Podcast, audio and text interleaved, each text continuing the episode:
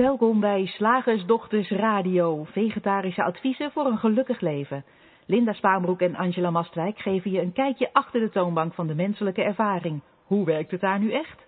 Wij maken gehakt van ingewikkelde concepten en fileren met liefde ook jouw leven. Dat alles onder het motto geluk. Mag het een onsje meer zijn?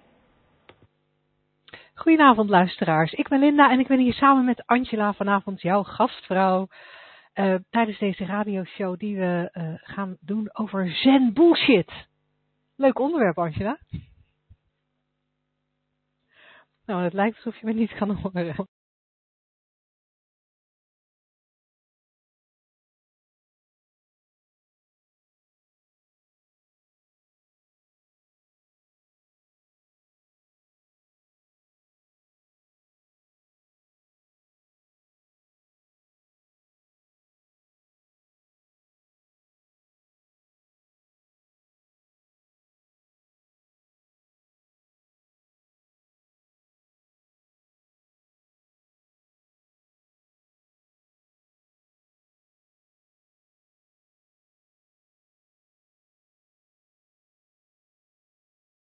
The moderator has left the conference.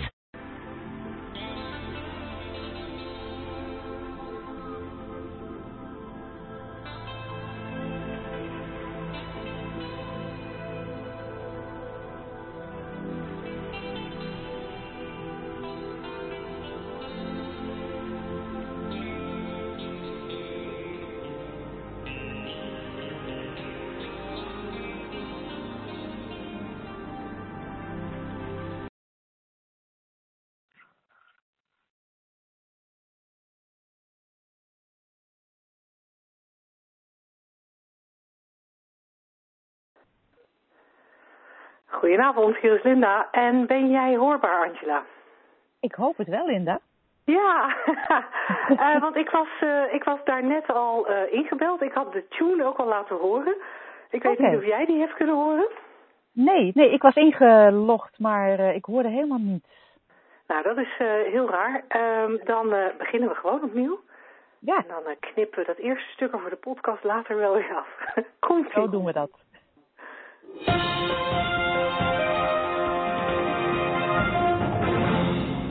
Welkom bij Slagersdochters Radio, vegetarische adviezen voor een gelukkig leven. Linda Spaanbroek en Angela Mastwijk geven je een kijkje achter de toonbank van de menselijke ervaring. Hoe werkt het daar nu echt? Wij maken gehakt van ingewikkelde concepten en fileren met liefde ook jouw leven. Dat alles onder het motto geluk. Mag het een onsje meer zijn? Goedenavond luisteraars en goedenavond Angela. Het is gelukt, Linda. Het is gelukt. We zijn er weer uh, voor uh, onze radioshow, uh, zoals elke woensdagavond. En zoals elke woensdagavond ook nu weer aan onze live luisteraars de uitnodiging om je vragen, dilemma's, wat dan ook aan ons voor te leggen via het question and answer form dat je lager op de pagina ziet waar je op dit moment naar ons luistert. Dus een kwestie gewoon, gewoon even doorscrollen naar beneden en dan komen wij uh, later deze uitzending op jouw vraag terug. Maar eerst gaan we het hebben over uh, zen bullshit. Nu ik dat nog zo eens teruglas, dacht ik, nou, het is niet zo'n hele erge aardige titel. Nee, inderdaad. En het grappige is ook dat wij onze camper waar we in rondreizen de Zenven noemen. ja, Zen met een hoofdletter Z. Um, laat ik eerst even vooral benadrukken dat we het niet hebben over de serieuze zen-traditie zoals die uh, in het oosten wordt uh, beoefend met allerlei uh, tradities en, en, rituelen. Maar wij hebben het eigenlijk meer over zen zoals je dat in het dagelijks leven gebruikt. Hè? Van, nou, ik zat daar helemaal zen te zijn in de zin van geen gedachten, helemaal oké met, met alles. Ja, en, en, en daarbij ook de uh, met name dat wij zien dat als je zen op die manier bekijkt, hè, als, het, als het gaat om de persoonlijke, ver, ja, ik wou zeggen persoonlijke verlichting. En zo vaak wordt het, wordt, het in, dan toch vaak een beetje gezien van ik wil meer verlicht zijn, ik wil uh, minder last hebben van mijn menselijke emoties en mijn menselijke karaktertrekken. Um, ja, waarbij ik altijd het idee krijg dat zen, en misschien zelfs wel spiritualiteit in zijn algemeenheid, uh, als er op die manier naar gekeken wordt, en ik generaliseer, of wij generaliseren even heel erg, hè, uh, maar als er op die manier naar gekeken wordt, dus nogmaals, we hebben het niet over de het traditionele zen-boeddhisme, maar meer over het zen, zoals we dat uh, hier in onze westerse cultuur ja, dan willen beleven, dan wordt het een soort persoonlijke verlichting. En, en dan, dan moeten we van, onze alle, af, van al onze menselijke karaktertrekjes af, zoals ik net al zei. En daar zien wij toch aardig wat aspecten aan spiritualiteit, waarvan wij denken, nou, sorry. Zonde. Zonde. nou, en als we het dan hebben over, over dingen die we voor waarheid aannemen, hè, zo in het kader van... Uh, we, we willen zo graag lekker zen zijn. Dan is een van die dingen die we voor waarheid aannemen, heb ik vaak het idee, dat je 100% van de tijd 100% gelukkig en rustig en ontspannen moet zijn. Zo niet, dan ben je niet spiritueel genoeg. Wat saai lijkt me dat ook. Ja, ook dat. ja, het lijkt alsof je soort door het leven moet uh, in, uh, uh, in, een, in een bepaalde staat van zijn. Alsof dat het advies is en of, of daarnaar gestreefd moet worden. En dat is niet wat wij, wat wij beogen. Dat, dat nemen wij niet voor waar aan, dacht ik. Nee, dat nemen wij absoluut niet voor waar aan. En, maar daar denk ik dat we daar zo, zo meteen nog op terugkomen. Wat, wat, wat zie jij nog meer dat zie jij mensen nog meer voor waarheid aannemen onder het mom uh, we willen zo lekker zen zijn? Nou, ik denk dat er best wel veel voorwaarden gesteld worden aan, uh, aan dat idee. Het, dat het eigenlijk een concept geworden is. Van oké, als je dan uh, inzicht hebt, dan lijkt het alsof je, in, zoals jij net al zei, bepaalde emoties niet meer mag hebben. Alsof je de menselijke ervaring moet ontstijgen. En ja, wat, en wat wordt er dan voor waar aangenomen? Misschien dat je niet meer mag uh, reageren op, op, op dingen. Dat je bijvoorbeeld uh, niets meer mag vinden van dingen. Dat je uh, soort, het, het, lijkt naar passiviteit bijna. alsof je je nergens meer mee mag bemoeien. Dat soort dingen, denk ik. Ja, alsof je bijna geen stappen meer mag of hoeft te zetten want het leven is toch wel goed en het komt allemaal wel goed. Ik hoorde laatst, uh, laatst van de week uh, ook iemand zeggen uh, hierover. Die zei van ja, weet je, die verlichte mensen, ik wil zo helemaal niet worden. En toen vroeg ik, um, wat, wat bedoel je dan precies? Nou ja, dat zijn van die mensen die zitten op een verjaardag en ze vragen eigenlijk helemaal niet hoe het met andere mensen is. Ze, ze zijn eigenlijk alleen maar met zichzelf bezig. Verwaarlozen hun kinderen. Die kinderen die krijgen hartstikke acting-out gedrag. Um, maar ja, zij vinden zelf dat ze heel erg spiritueel en heel erg verlicht zijn. Oh, dacht ik, oh, nou, dat, dat is ook anders dan, um, dan wat ik associeer met, uh, persoonlijke ontwikkeling, spiritualiteit, verlicht zijn, wat dan ook. want daar, daar, de, de, degene die dat tegen mij zei, interpreteert het heel erg met, met eigenlijk een, uh, ja, wat ik zou, wat ik een ego, egoïstische houding zou noemen. Ja. Um, uh, geen interesse in anderen, geen verbinding met anderen zelfs, uh, leek het uit haar beschrijving. En zij was dus zelfs een beetje bang van, ja, zo wil ik niet worden. Vond ik ook grappig. Ja. Ja, en dat is ook uh, waar, waar, we het al eerder over hebben gehad, dat het misverstand uh, bestaat van ja, maar als ik alles oké okay vind in het moment, hè, want als je dan zen bent, dan moet je alles oké okay vinden in het moment, dat er dan uh, geen ruimte is voor verandering, dat er dan ook alles blijft zoals het is. En dat, dat is ook een heel groot misverstand. Ja. Ja, wat ik overigens ook, als het dan toch wel misverstanden aan het opzommen zijn, wat ik ook vaak de indruk krijg is dat als je zen en spiritueel ontwikkeld bent, dan ben je meestal ook wel arm. Oh, dat is ook een leuke associatie. Ja. Want, want, want, want geld hoort ook niet bij zen zijn of zo. Nee, nee. En bovendien, omdat je zo ontzettend zen bent, streef je ook niet meer naar het geld verdienen. Naar geld verdienen. Dus ja, dan, dan ben je automatisch arm. Ja. Dat we kunnen eigenlijk We kunnen eigenlijk constateren dat er heel veel uh, aannames uh, om, om dat begrip heen zijn. Dus, dus Ja. we, we vinden het een fijn idee om, eh, om, om gelukkig te zijn, om evenwichtig te zijn, in balans te zijn, zen te zijn, zou je kunnen zeggen.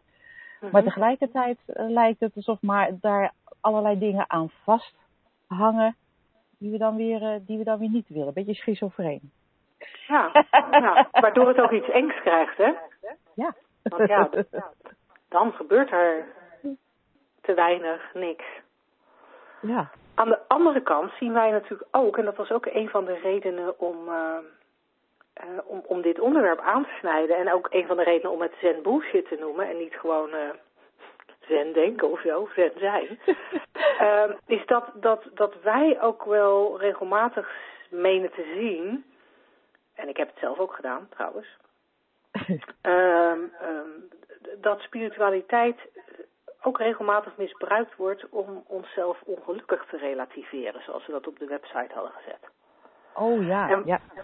En om, om even te verduidelijken wat ik daarmee bedoel, en, en wat ik in althans eh, gedaan heb, een tijdje, is ehm, nou ja, ervan uitgaan. Weet je, als, als het nou toch allemaal maar een gedachte is, dan maakt het dus niet uit. En ja, ik ben wel ongelukkig in deze relatie, eh, was het in mijn geval. Ik ben wel ongelukkig in deze relatie. Of tenminste, ja, ik, ik, ik vind dit geen fijne relatie, laat ik het zo zeggen. Eh, ik ervaar deze relatie als eh, niet fijn.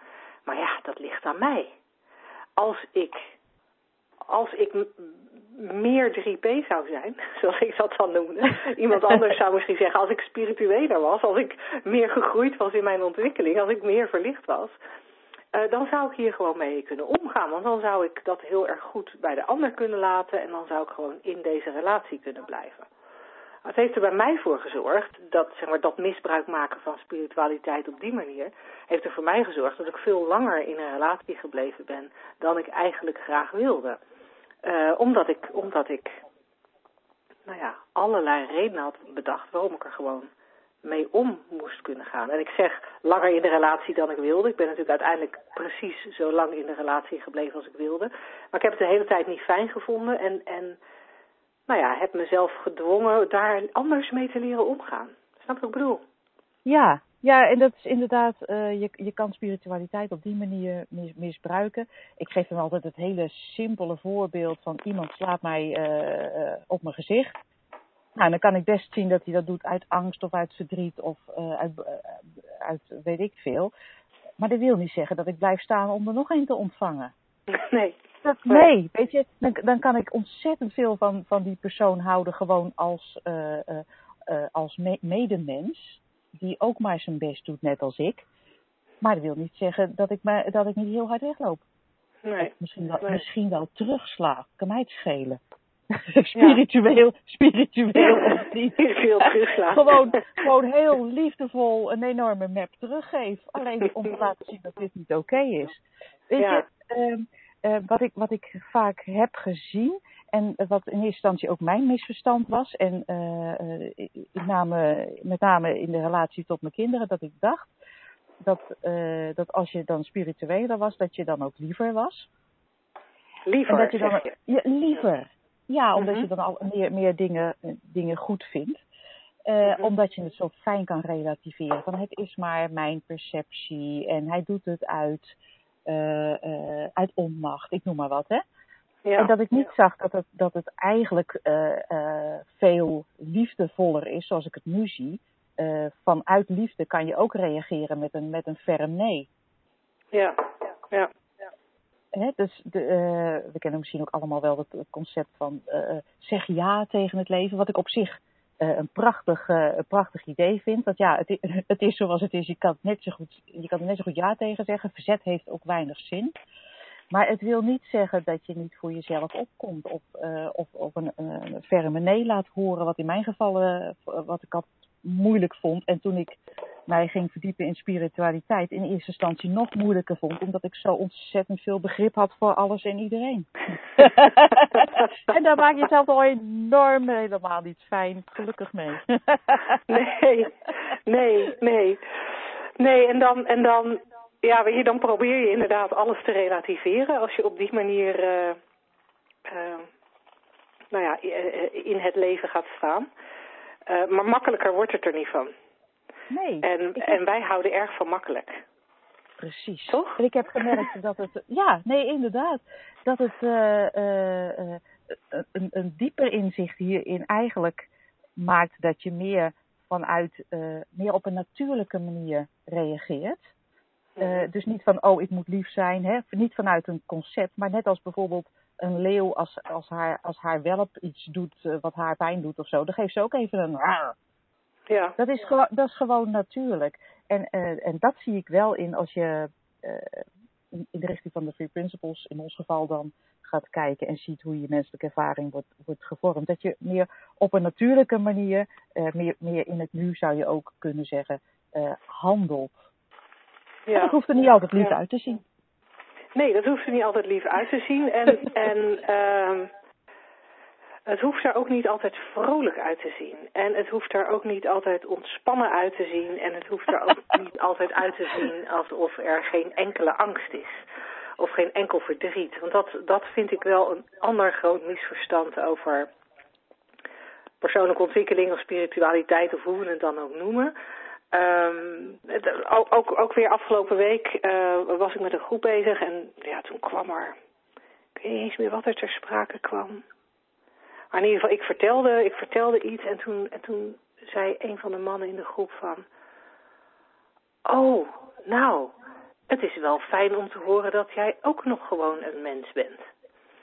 en, en, en, vervol, en vervolgens zei hij, maar zou jij inmiddels niet daar gewoon al van af moeten zijn? En dat zal wel gegaan hebben over dat ik gehuild had of zo. Want dat is dan mijn, mijn ding wat ik, wat ik graag doe.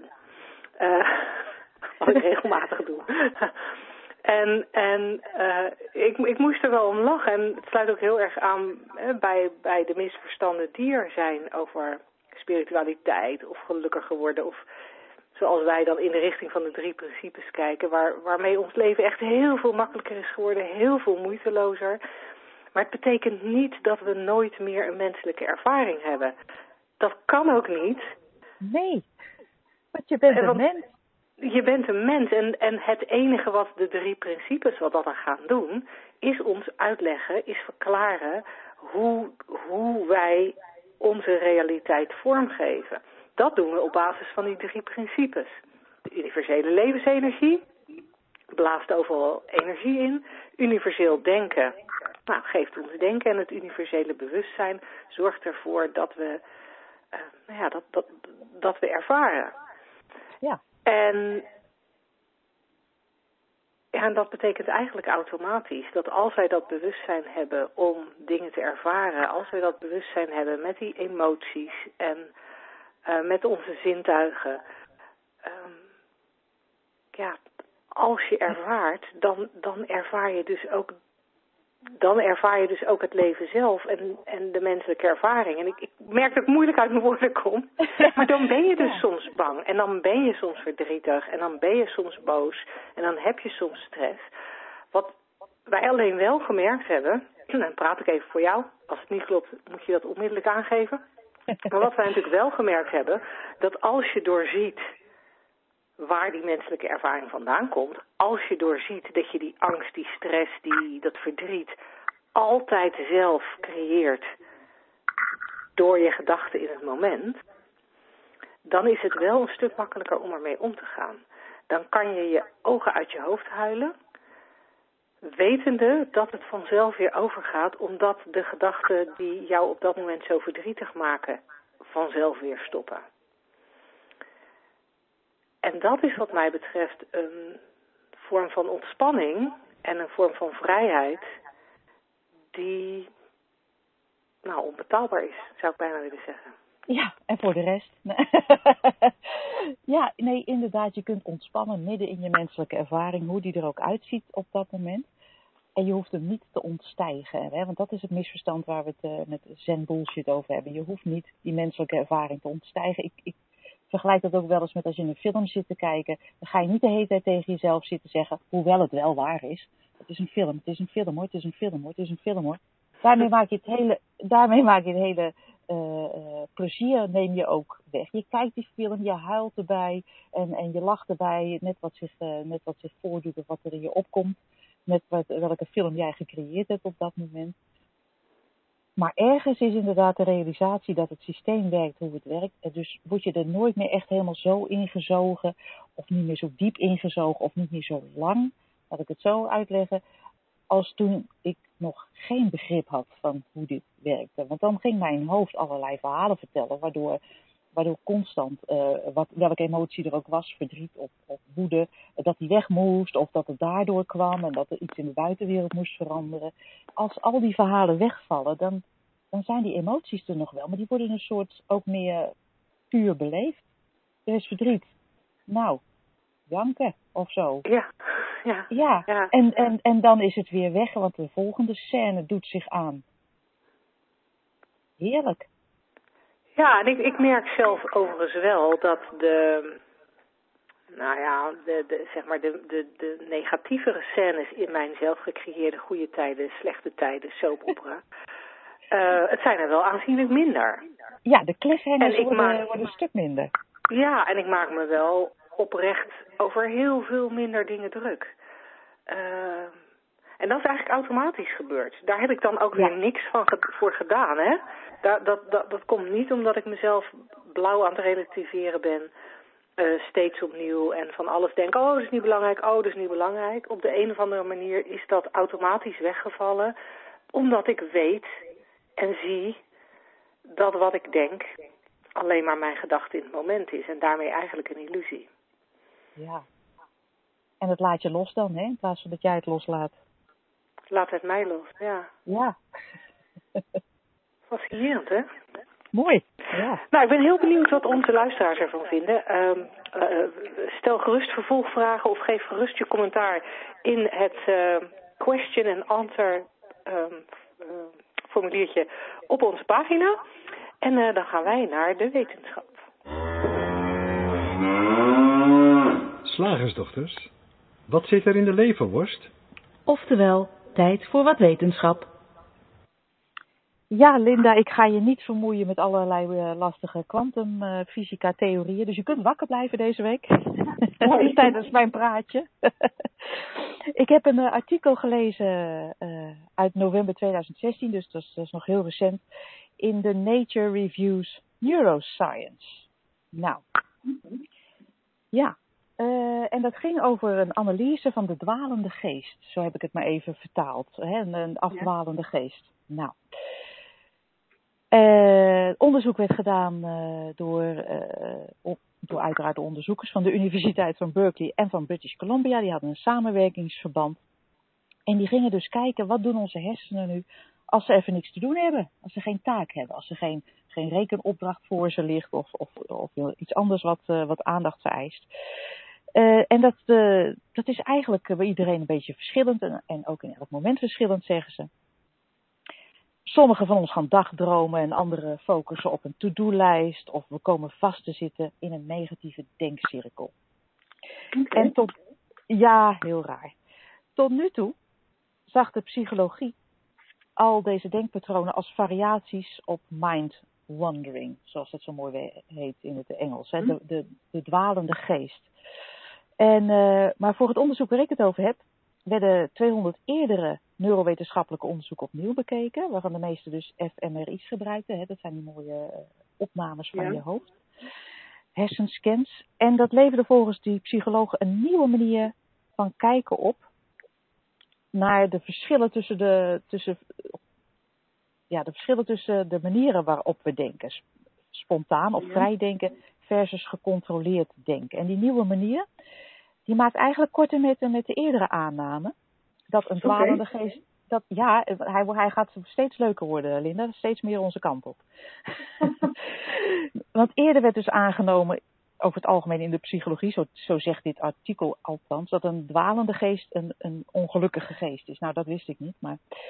Um, een beter zicht op hoe onze gedachten bewegen als ons brein even niets te doen heeft, uh, zou kunnen leiden, zeggen ze, tot betere diagnoses en behandeling van psychische ziektes zoals depressie, angststoornis en ADHD. Want, en nu wordt hij echt leuk. Dr. Irvin, dat is een van de onderzoekers dus van die uh, Universiteit van Berkeley. En zelf heeft hij trouwens ADHD, vond hij. Okay. Zegt hij, het is niet alleen belangrijk om te weten wat het verschil is tussen die twee manieren van denken. Hè? Dus een uh, vrije dwalende gedachte en vaste obsessieve gedachte, kleverige gedachten, sticky thoughts. Maar ook hoe deze twee soorten eigenlijk samenwerken en elkaar afwisselen. Daar is hij zich in gaan verdiepen. Dus mensen die even niks te doen hebben, ging hij kijken hoe denken die dan? En met behulp van die uh, MRI's. En hij onderscheidde dus spontaan denken, Ja. Doelgericht denken en ruminating. Vinden wij zo'n mooi woord. Herkauwend denken. Ja, zo'n koe. Elke keer weer, het, eh, weer datzelfde omhoog halen. En hij concludeerde dat dus die dwalende gedachte helemaal geen afwijking is. Hoera. Maar iets wat het brein doet als het in de natuurlijke stand gaat. En dat is die ruststand, zegt hij. Ja. Ja, dus hij zegt uh, uh, dat dwalen wat de, geest doet, dat is gewoon ja, uh, een natuurlijke stand. En als we dat niet hadden, zouden we niet kunnen dromen of creatief denken. En al die andere dingen, dingen, dus dat doelgericht denken, dat herkauwend denken, dat zijn we vaak gaan zien als een afwijking. Nou, zegt Irving, dat ziet hij dus niet zo. Hij zegt de meeste psychische ziekten hebben trouwens, uh, die we nu als zodanig belabelen, hebben ook voordelen. Hij zegt iedere, iedere geest, hè, want bijvoorbeeld een ADHD'er is heel, cre heel creatief in zijn denken. Dus hij zegt, uh, wij, wij, kunnen wel zeggen dat is een, uh, dat is een nadeel, maar dat, dat, dat is juist voor hem een voordeel. Dus het is eigenlijk maar een label wat we dan geven. Maar nu komt de link met de Three Principles. Iedere geest, zegt hij, kent een natuurlijke eb en vloed van gedachten. Nou, dat is, ja. dat is natuurlijk wat wij ook zeggen. Maar onze referentiekaders, ons wereldbeeld zoals we die nu hebben, en dan met name in de psychologie, zorgt voor de manier waarop we. Dus die, die referentiekaders maakt dat we er op een bepaalde manier naar kijken. En die maakt dus, die zorgt ervoor dat wij normale variaties als afwijkingen zien. Dus hij zegt Okay. AD, ADHD, het feit dat wij dat zo zien als een, als een afwijking, komt alleen maar door het referentiekader van waaruit we kijken. En als wij dus een nieuw referentiekader hebben, namelijk het zijn natuurlijke bewegingen van de geest, die dan weer in rust is en dan weer allerlei gedachten produceert, dan zijn er helemaal geen afwijkingen. Hij zegt ja, de depressiviteit, ja, depressieve gedachten eventjes. Angststoornissen, heb je even angstige gedachten, is helemaal geen afwijking, is gewoon een normale activiteit van het brein. En alleen, alleen ons referentiekader binnen de psychologie zorgt ervoor dat we, uh, dat we er op die manier naar kijken en er een label van maken. Hij zegt maar, als je, als je, goed, uh, als je goed beschouwt, hebben we eigenlijk allemaal wel eens af en toe een angststoornis of even ADHD of uh, even een depressie. Ja, wij thuis ja. hebben hier regelmatig last van autisme. Zeggen wij tegen elkaar. Ja, ja.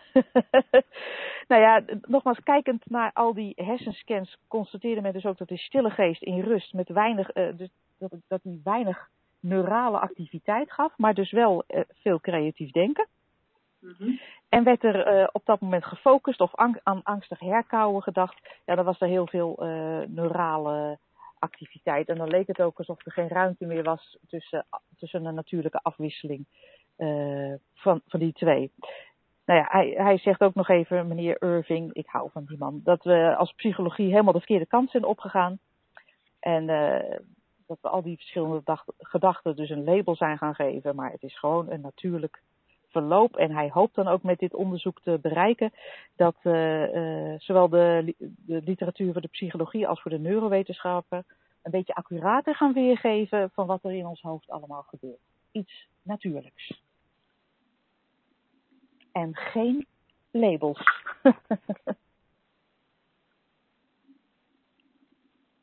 Ja, volgens mij zijn het hier wel. Ja, ja volgens mij uh, denk ik van nou, dit gaat een, een stap de goede richting op. Dat we een beetje uh, uh, afkomen van al die gedachtenspinsels, een afwijking te noemen en, en denken dat ze weg moeten en er heel veel aandacht voor moet komen. Zoals we deze week natuurlijk ook de depressieweek hebben.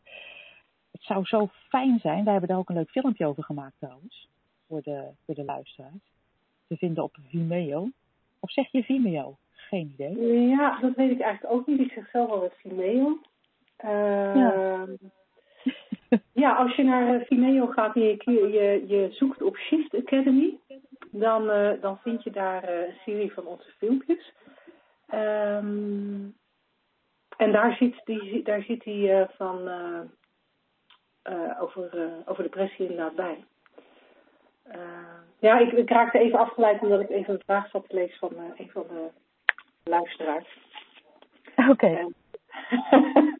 Sorry daarvoor. Nee, dat geeft helemaal niks. Het was heel even stil op de lijn. En dat gaf misschien ons brein nog even de gelegenheid om weer terug te gaan naar zijn natuurlijke stand. En weer heel creatief te gaan denken wat onze volgende zin wordt. Helemaal goed, maar super interessant. En ik, wat ik het leuker aan vind, omdat mijn dochter psychologie studeert. Uh, en, en, en natuurlijk ook inmiddels zo uh, door, door dit, uh, ja, met dit gedachtegoed besmet is, zou ik haast zeggen. Heeft, ervaart zij nog wel eens wat, wat spanning met, met de klassieke psychologische kijk. Ik vind het superleuk om te horen dat er ook binnen de psychologie toch meer en meer aandacht is voor een andere manier dan dat, dan dat in ziektebeelden denken. Dus dat, dat is heel cool. Ja, ik ga die link ook even naar haar sturen, dacht ik. Ja, helemaal leuk. Heel graag. en dan stel ik voor dat wij nu overgaan naar de luisteraarsvraag. Ja.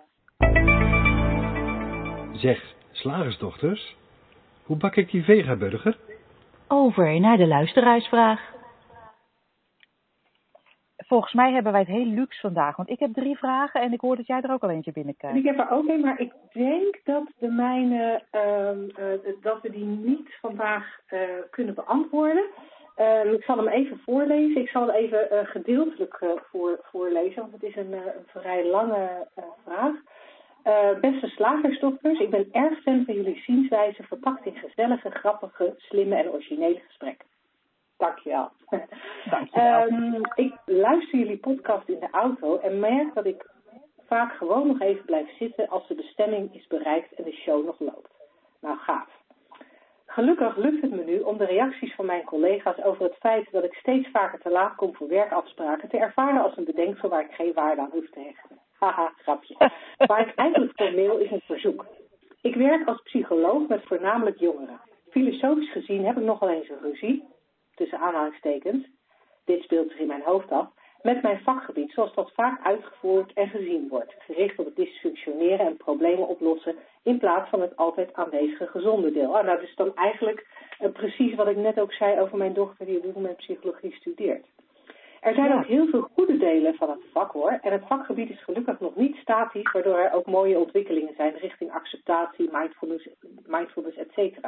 Toch ben ik bijna elke werkdag, vaak onbewust, wel aan het zoeken naar manieren om mijn filosofie stiekem door te voeren in contact met de klanten, cliënten, om zo het GGZ-gezegd te omzeilen. Als ik me ontspan en niet nadenk, gaat dat eigenlijk vanzelf en zou het enige probleem kunnen zijn dat ik word ontslagen vanwege, vanwege een afwijkende visie. Maar zo'n vaart zal het zeker niet nemen en zo, en zo toch dan zou ik dat eigenlijk ook geen probleem vinden. Terug naar mijn verzoek. Ik zou het onwijs met hoofdletters leuk vinden als jullie een uitzending zouden maken speciaal voor pubers jongeren. Liefst ook gericht juist op, uh, liefst ook juist gericht op, jongens, of in ieder geval stoere jongens. Met bijvoorbeeld onderwerpen als zeurende ouders, gescheiden ouders, een nieuw stiefgezin. Vragen over je seksuele geaardheid, schaamte, somberheid, verliefdheid, puistjes, peer pressure. Niet weten wat je in je leven, maar de, wat je je leven wil, maar de druk van de maatschappij voelen om keihard te shinen, anders te zijn dan anderen. Ik zou een gat in de lucht springen als jullie hiermee aan de slag gaan en weet zeker dat het goed beluisterd zou worden. Alleen al door mijn reclame, haha. Maar het is natuurlijk nogal een verzoek, dus wat er ook gebeurt, even goede vrienden. Groetjes en veel radioplezier van een, klein, van een slagerskleindochter. Hey. Ah! nou, slagerskleindochter, um, super gaaf dat je dit mailt. Super bedankt uh, voor je, um, voor je uh, complimenten. Um, ik, ik schiet hem even in, Angela, en uh, Ja. ga er even vanuit dat jij dit oké vindt. Ik zou je voor willen stellen om um, deze slagerskleindochter uh, te mailen. Uh, en, en, en dat we eens even kijken, want ik, wat, wat er in mij gelijk opkomt van ja, we zouden dit uh, één radioshow over alle onderwerpen die je noemt gaat een beetje lastig. Ja. Um, maar ik vraag me af van, zouden we niet gewoon iets bij jou in het bedrijf of in de organisatie kunnen regelen. Al is het maar een, veel een workshop van, uh, van, van, van, van zes keer een uurtje of zo voor die jongeren. Of, nou, ik kan me voorstellen dat daar meer, uh, meer te verzinnen is. Dus ik krijg eigenlijk de indruk, misschien moeten we elkaar gewoon eens mailen. En, uh, en eens verder kijken wat wij hiermee kunnen en of wij hier als slagersdochters ook iets mee kunnen. Dus wij komen bij je terug. Dan, dan gaan we denk ik verder met de andere vragen die er zijn. Ja, ja, ja maar, er was er eentje. Ja, er was er eentje overgebleven uit de vorige uitzending ook. En ik denk dat we die eigenlijk heel kort kunnen beantwoorden. Want dat is een soort, uh, uh, nou, in één zin uh, te behandelen. Bianca vroeg ons, wij hadden toen over leven zonder bijzinnen. Hè? Als je je gaat verdiepen in de Three Principles en ziet dat oh, al die verhalen in ons hoofd die wij verzinnen en die vervolgens uh, tot leven komen in ons, uh, terwijl het niet echt hier en nu gebeurt, eh, maar ons wel allerlei ongewenste gevoelens geven. Mm -hmm. Dus dat ongewenst is ook maar weer een, een mening, maar oké. Okay. toen hadden wij het over dat, dat die bijzinnen eigenlijk vaak wegvallen. Mm -hmm. En uh, de vraag van Bianca is van je kunt, uh, jij zei toen heel terecht van ja, als het toevallig uh, een positief verhaal is wat je in je hoofd aan, het, aan het ontwikkelen bent, ja, dus, dat is allemaal niet zo erg. Hè? De, je innerlijke tomtom maakt er niet zoveel van. Die geeft jou geen waarschuwingen van hé, hey, je fantaseert de verkeerde kant op. Dus ja, de vraag van Bianca is, je kunt dus beter wel bijzinnen gebruiken in een positieve situatie, want je wordt dan nog blijer dan in een negatieve, want dan word je nog verdrietiger of minder blij. En ik ben heel blij dat Bianca deze vraag stelt, want dat, uh, uh, daarmee kunnen wij gelijk een misverstand eigenlijk uh, uit de weg ruimen. Dat het uh, überhaupt zinvol is om bewust een bepaalde kant op te denken. Wat wij in Three Principles zeggen is, ja, die gedachten, weet je, ze komen en ze gaan. En dat is helemaal prima. En al die persoonlijke gedachten, die we, uh, al die bijzinnen eigenlijk, is het modder in je, in je waterplas. Terwijl jij het, best, het beste functioneert als die plas helder is. Ja. Dus zowel positief als negatief heeft het geen zin om bijzinnen te gebruiken. Nee, want bijvoorbeeld hè, een positief ding dat in mij opkomt, in ieder geval iets wat als, vaak als positief wordt, uh, wordt, wordt ervaren, is als je bijvoorbeeld verliefd bent op iemand, je hebt een nieuw iemand ja. ontmoet. En dan kan je natuurlijk zeggen van ja, weet je, dan is het uh, alleen maar hartstikke fijn. Ik ga daarmee door om voortdurend bijzinnen over die andere persoon in mijn hoofd. En oh, wat ben ik happy. En, oh. Um, maar dat is niet zo goed modder in je waterplas. ja. En daar heb je dan misschien op dat moment minder last van. Maar ja, mensen die echt helemaal tot de boter verliefd geweest zijn, die weten dat zelfs dat ook, dat, dat ook dat een beetje onhandig is. Omdat je slecht functioneert op je werk. Omdat je alsmaar aan die leuke meneer of mevrouw aan het denken bent. ja, inderdaad. Dus, dus ja, alle, alle, alle persoonlijke gedachten die je, die, je, die je genereert, alle bijzinnen. Het is alleen maar modder in je, in je plas. Alleen maar, uh, wat, jij gebruikte de vorige keer de, de sneeuwbol als, als voorbeeld. Hè? Ja. Uh, ook, ook positieve bijzinnen geven sneeuw. Ja. En, ja. Het, en het is handig om, om het gewoon te doorzien, ook al maakt het niet uit dat het er is. Nee, precies, precies. Nou, Bianca, ik hoop dat je daarmee uh, voort kunt. Uit de voeten kunt. En dan hebben wij nog twee vragen. Uh, jij had een vraag toegestuurd van een, een, een klant uh, van jou, die, die opgekomen was in een andere context. En ik ja, heb iemand, vraag... die mijn boek had ge... iemand die mijn boek had gekocht, ja. had mij gemaild. Nou, die, ja. die, die kunnen we erbij pakken of een, een vraag die binnenkwam over de dood. Nou, kies jij maar.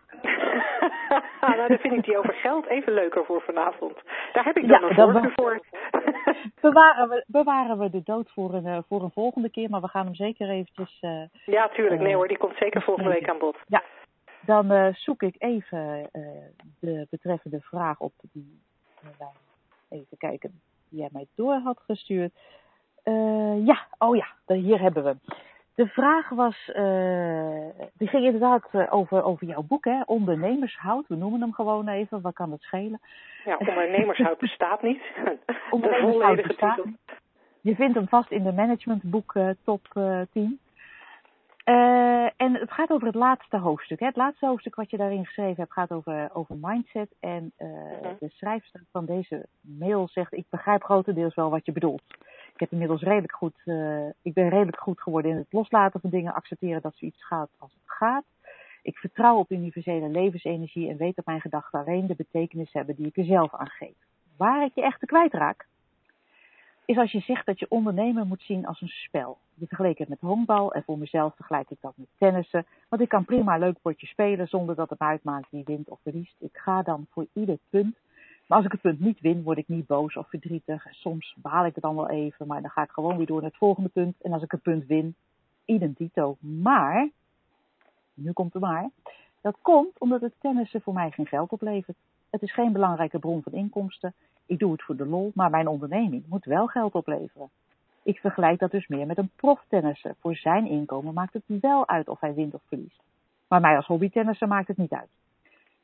Ik begrijp wel dat je jezelf als ondernemer en als proftennisser de ruimte en tijd moet geven om te ontwikkelen. Maar om het alleen maar te zien als een spel vind ik toch iets te gemakkelijker. Als proftennisser is het toch belangrijker om wedstrijden te winnen dan als hobbytennisser. En geldt dat dan ook niet voor ondernemers? Ja, hoe kan ik ondernemen toch zien als een spel, terwijl ik wel professional ben en mijn geld verdien op basis van mijn resultaten? Ik hoop dat je begrijpt wat ik bedoel. Ik zie uit naar je antwoord. Nou, dat gaan we doen, hè?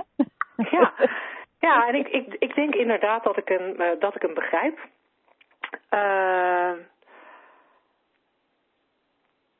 en ja, ik denk, ik denk dat, er, dat we een aantal verschillende invalshoeken hierop kunnen geven. En, ik, uh, en daarom vond ik het ook heel erg leuk om, het, om de vraag in de radioshow te beantwoorden. Uh, ook al was die niet heel specifiek voor de radioshow gesteld. Omdat ik denk dat het, uh, dat het fijn is dat wij ons beide perspectieven op hebben. Uh, omdat wij vaak toch de dingen net even anders benoemen of net anders even anders beschrijven. Waardoor het denk ik een, een, een, een mooi afgerond antwoord wordt. En de andere reden waarom ik het graag in de radioshow wilde doen.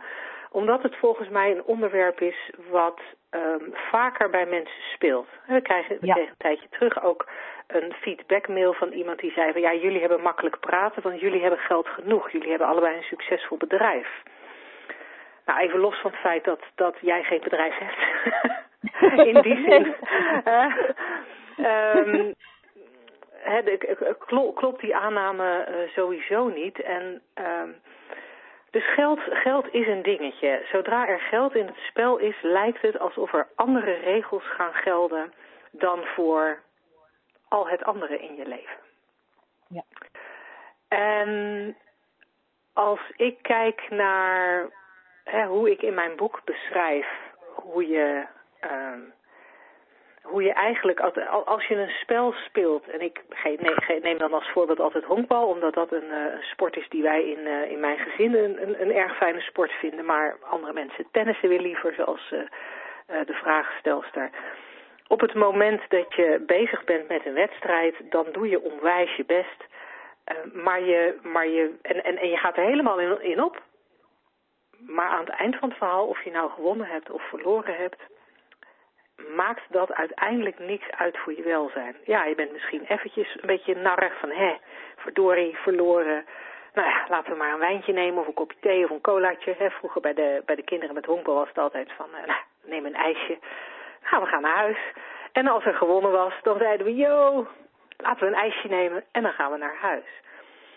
De essentie van wat, wat, wat, wat ik hier wil zeggen en wat wij in deze radioshow um, denk ik altijd een beetje willen zeggen, is dat welzijn altijd in je zit. Er is niets buiten je dat jou gelukkiger kan maken of ongelukkiger kan maken. Wat we overigens met z'n allen wel vaak denken. we, zijn, we zijn heel erg outside-in opgevoed en, en onze hele cultuur is vrij outside-in gericht. Dat wat buiten ons is, bepaalt hoe het binnenin ons gaat.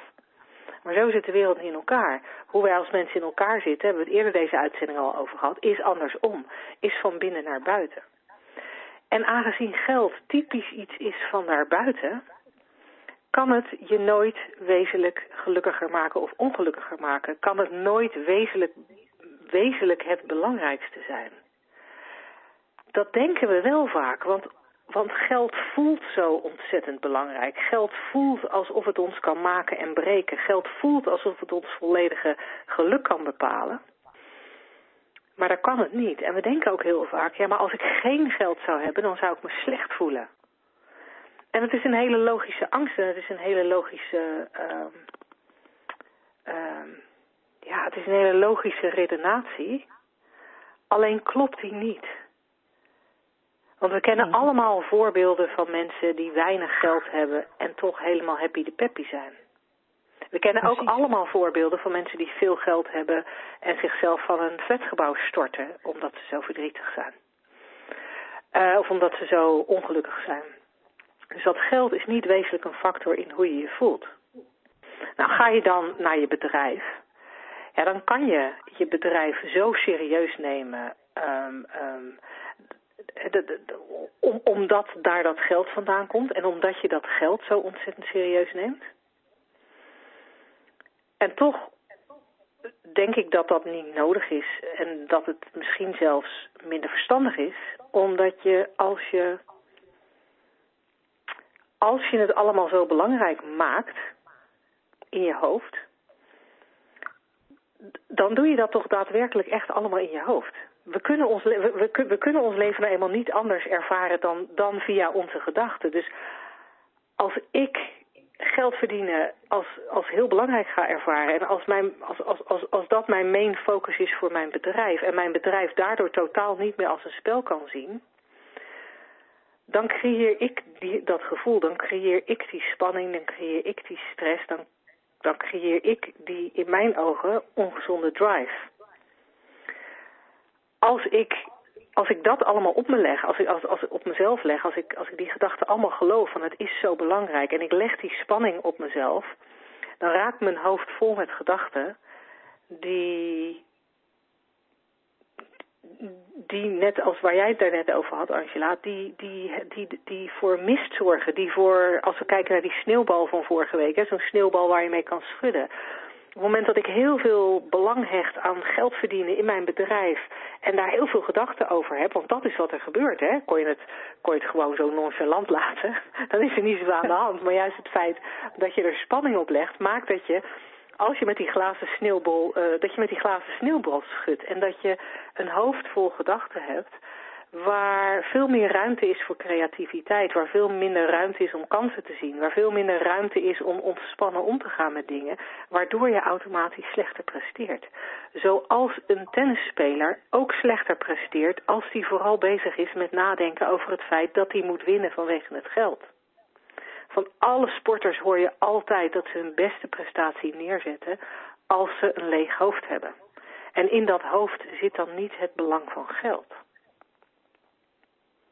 Nee, dat is inderdaad eh, de zone noemen ze dat vaak. Hè? Als je in de zone zit, dan ben je, en dat of je nu proftennisser bent of amateurtennisser of ondernemer of schrijver of wat dan ook, dan, dan op dat moment is, uh, zoals we net in de psychologie zagen, je hoofd gewoon heeft niet zoveel uh, uh, activiteit. Er is gewoon een complete focus op het hier, het nu, wat er gebeurt, die bal, het tennisracket en dit moment.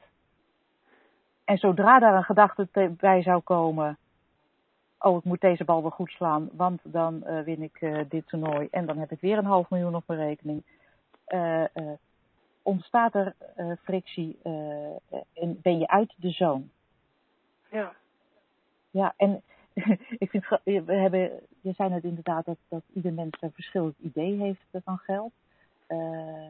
ik merk ook dat het ook in een mens zelf van moment op moment kan verschillen hoe je, hoe je geld ervaart. Want je kan namelijk geen geld ervaren. Je kan alleen maar je gedachten in het moment ervaren. Dus je kan Ja. naar je bankrekening kijken op de ene dag en denken van nou, weet je, ik kan uh, deze maand uh, de huur nog betalen en uh, verder vind ik het prima en je helemaal oké okay daarmee voelen. En, en op een, een, volgende dag kan je in een lage gemoedstoestand naar hetzelfde bedrag kijken en denken, "Ah, ik moet meer opdrachten, want dit gaat niet goed en straks. ah." Ja. Ja. Ja. Weet je, dat, dat fluctueert gewoon in de mens en daarom is het fijn om dat te kunnen zien. Het heeft helemaal niks met de geld te maken. Het heeft te maken met wat je in elk moment denkt.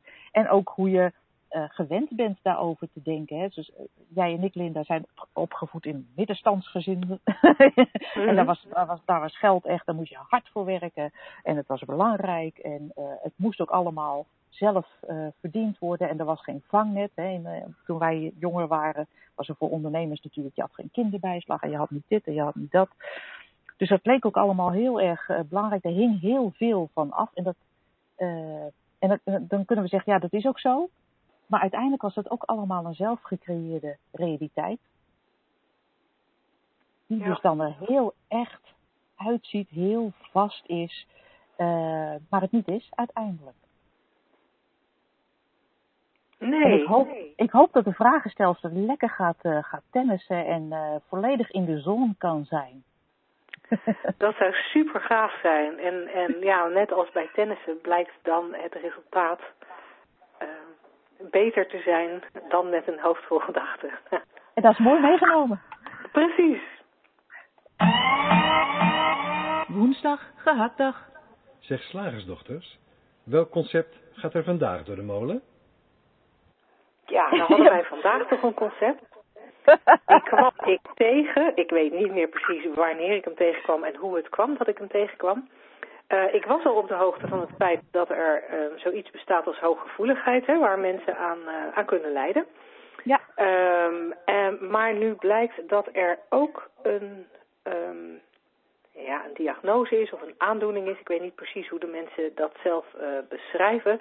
Maar er is nu ook een label hoogstimulatief. Dus het formaal concept van vandaag is, ik ben hoogstimulatief. En moet je even uitleggen wat het is. De toon van de manier waarop ik het uitspreek al wel dat merken wat ik ervan vind. Hoogstimulatief, um, dat uh, is een, um, mensen die hoogstimulatief zijn, zijn mensen die veel prikkels oppakken uit de omgeving. Zoals uh, ook hooggevoelige mensen dat doen. Ja. En hoogstimulatieve mensen um, gaan, uh, zijn daar dan nieuwsgierig naar, naar wat ze in de omgeving waarnemen, en gaan daarop af. En dit werd vooral als een probleem gezien bij jonge kinderen. Oh, dus dit hoogstimulatief ja. werd vooral in, in verband gebracht met jonge kinderen, die dan iets waarnemen in de omgeving, daar nieuwsgierig van worden en daar dan op afgaan. En er werd een, een, een, ja, een batterij aan problemen bij, uh, bij genoemd. Um, namelijk dat je um, nou ja, minder lang op je stoel blijft zitten. Uh, maar ook dat je gewoon veel bezig bent. En dus niet... Um, ja, dat, dat was blijkbaar een probleem. Wauw. Dus je mag niet eens meer een onverschrokken kleuter zijn. Ik vind het jammer. ja, het, ja, het is, het is uh, fascinerend hoe wij als mens alles in een hokje willen stoppen en alles ook in de hand willen houden en alles onder controle en ook, ook willen bedenken hoe het allemaal moet, hoe lang een kleuter op een stoeltje moet blijven zitten. Uh, dat wordt dan ook weer een richtlijn voor het consternatiebureau. Uh, ja, fascinerend. Ik word er altijd een beetje kriegel van. Dat verzin ik natuurlijk helemaal zelf, lieve luisteraars. Mm. Door de overtuiging die ik in mijzelf heb dat het allemaal uh, uh, uh, nogal onzin is. Maar waarom willen we eigenlijk zo, zo, zo onszelf en ook, ook de ander en ook dus blijkbaar je kind zo belabelen? Waarom willen we vaststellen hoe iemand is en of dat afwijkt van hoe het zou moeten zijn? Is dat toch niet allemaal gewoon denken? Wat vind jij? Nou ja, ik vind dat, ik vind dat absoluut, uh, ik vind dat absoluut denken. Want we, we, ik denk dat we in onze maatschappij en zeker de, de, de, de mensen die, die wat meer in de psychologische hoek zitten, zoals onze vraagstelster van daar straks, uh, of in de pedagogische hoek uh, waar ik zelf uitkom, dat er heel erg een, uh, ja, een neiging is om te bedenken hoe het hoort. En te bedenken hoe wij het fijn vinden. Uh, en daar hebben we dan ook allerlei redenen voor. Hè? Dus het, ik, ik krijg bijna de indruk, nu we toch met ons formaal concept uh, onderdeel van de radioshow bezig zijn. Het lijkt wel alsof we meer en meer en meer en meer concepten creëren over alles. Nou, hebben we het even over de ontwikkeling van het, uh, van het kind, dan hebben we heel veel concepten over hoe een kind zou moeten zijn en waarom het ook zo belangrijk is dat hij zo is. We hebben concepten over hoe het onderwijs uh, idealiter zou moeten zijn. We hebben ook een onderwijsconcept hè, op dit moment, zo heet het, zo heet het zelfs gewoon. Verschillende scholen hebben verschillende onderwijsconcepten, hebben daar ook beleidsplannen over geschreven. En die concepten die gaan er allemaal van uit dat ze weten wat goed is voor kinderen in zijn algemeenheid. En die concepten, die onderwijsconcepten, gaan er ook allemaal van uit um, um, dat we weten uh, hoe de toekomst van een kind het beste zal verlopen. En dat bedoel ik eigenlijk met concept op concept gestapeld. We hebben een concept ja. over hoe een kind zich als vierjarige moet gedragen. We hebben een concept over hoe die door de school heen moet. We hebben een concept over hoe de school gaat bijdragen aan zijn latere leven of aan zijn carrière. En we hebben een concept over hoe die carrière gaat bijdragen aan zijn geluk. En um, doet me trouwens denken aan uh, uh, echt een van mijn favoriete uh, YouTube filmpjes. Um, het filmpje heet Live and Music uh, van Ellen Watts. Uh, ja. het is, uh, de, de, de, de, de stem die je hoort is Ellen Watts, een filosoof, ik meen uit de jaren zeventig. Ja. Um, maar de tekeningen zijn van dezelfde um, creatievelingen die nu zo'n beroemde cartoon op tv hebben. mijn zoon kijkt er altijd naar. Ik nooit. dat weet jij natuurlijk ook niet. Nou, ik ben het even, ik ben het even kwijt, maar er is een, een hele bekende grote mensen uh, tekenfilm uh, op tv. Uh, die is het. Um, live and Music laat, laat ook heel mooi zien hoe we, hoe we denken dat het onderwijs bijdraagt aan uiteindelijk aan gelukkig worden. Ja. En, en dat we daardoor ondertussen vergeten om gewoon te zijn. En gelukkig te zijn uh, misschien zelfs.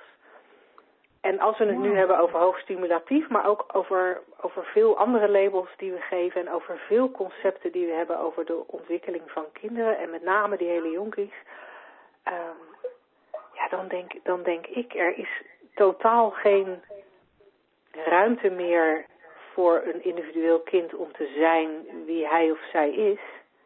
Want andere mensen hebben er gedachten over hoe die hoort te zijn ja, er is ook bijna geen, geen ruimte meer voor een, voor een frisse blik in het moment. Want een kind kan op één moment uh, misschien wel een half uur in een hoekje zitten en op een ander moment gewoon iets, iets, iets anders willen. En dat is een natuurlijke, een natuurlijke zaak. En het lijkt wel alsof we het eng zijn gaan vinden om, uh, om geen concept te hebben. Om, om in elk moment, om erop te vertrouwen dat we in elk moment voor elke situatie zoals die uh, zich blijkbaar voordoet, schijnbaar voordoet, uh, een, een, adequate respons te hebben. Uh, zonder dat we daarbij een aanwijsboekje voor nodig hebben, of een regel of een, een handleiding. En ik denk, leven vanuit de filosofie waar wij naar kijken, is het niet alleen leven zonder bijzinnen, maar wordt het misschien ook wel een leven voorbij allerlei concepten. Ja, en wat ik, wat ik merk dat, nou ja, leven zonder concepten, ik denk dat, ik, zoals ik er nu tegenaan kijk, is dat moeilijk. Uh, um, maar wat ik tegelijkertijd wel merk, is dat het doorzien van steeds meer concepten uh, het leven wel makkelijker maakt en vooral ook heel veel meer vrijheid geeft aan, aan de mensen om je heen. Uh, ook aan jezelf, maar ook aan de mensen om je heen. Want hoe fijn, hoe fijn is het als je kind, als je je kind niet hoeft te bezien vanuit de bril van hoogsensitief of uh, hoogstimulatief. Ja. Uh, maar je kind, zoals jij net aangaf, in elk moment kan zien voor, voor wie die dan is. En, en en het gedrag kan observeren zoals het dan is. En, en zoals we eerder in deze uitzending zaten, zeiden, uh, weet je, het is natuurlijk zen bullshit om te denken, ik moet alles accepteren van mijn kind. Als die uh, in de gordijnen klimt, dan moet ik dat goed vinden, want zo is die nou eenmaal. En ik moet hem accepteren, heeft Linda in de radioshow gezegd. Dat bedoel ik niet. Maar het zou wel mooi zijn als je je kind niet zou zien als het hoogstimulatieve kind dat altijd maar in de gordijnen klimt omdat hij uh, bovenaan de gordijnen een spinnetje ziet zitten. Uh, maar dat je kan zien dat je kind ja in dat ene moment uh, uh, zo nieuwsgierig is dat hij in het gordijn klimt omdat hij op het plafond een spin ziet die hij van dichtbij wil bekijken. En dat hij op een ander moment inderdaad heel rustig in een hoekje zit te legoen. En op weer een heel ander moment gierend van de lach over de grond rolt omdat hij naar een humoristische tekenfilm zit te kijken. Dat ook jouw kind met elke nieuwe gedachte zich weer anders toont en anders laat zien. En dan vind ik het zonde als jij je kind inkadert doordat, door jouw gedachten. Als jij je kind alleen nog maar als een eendimensioneel, hoog stimulatief kind kan zien, omdat dat jouw concept is van dat moment. Ja, dat is jammer. We hebben hem vermaald, denk ik. Ja, denk je? ik merk dat ik er in ieder geval wel. Uh, uh... Hij is gehakt geworden. Hij is gehakt geworden, goed. dan, uh, dan denk ik dat we ermee stoppen voor, vana voor vanavond. Ja. al onze luisteraars, dankjewel. De vraagstellers, dankjewel voor het stellen van je vragen. Blijf ze vooral sturen naar welkom@deslagersdochters.nl. Wij gaan er graag mee aan de slag, zoals je merkt. Um, de vraag die er voor vandaag nog lag, nemen we mee naar volgende week. Maar nieuwe vragen zijn altijd welkom. Dankjewel en graag tot volgende week. Tot dan. The moderator has left the conference.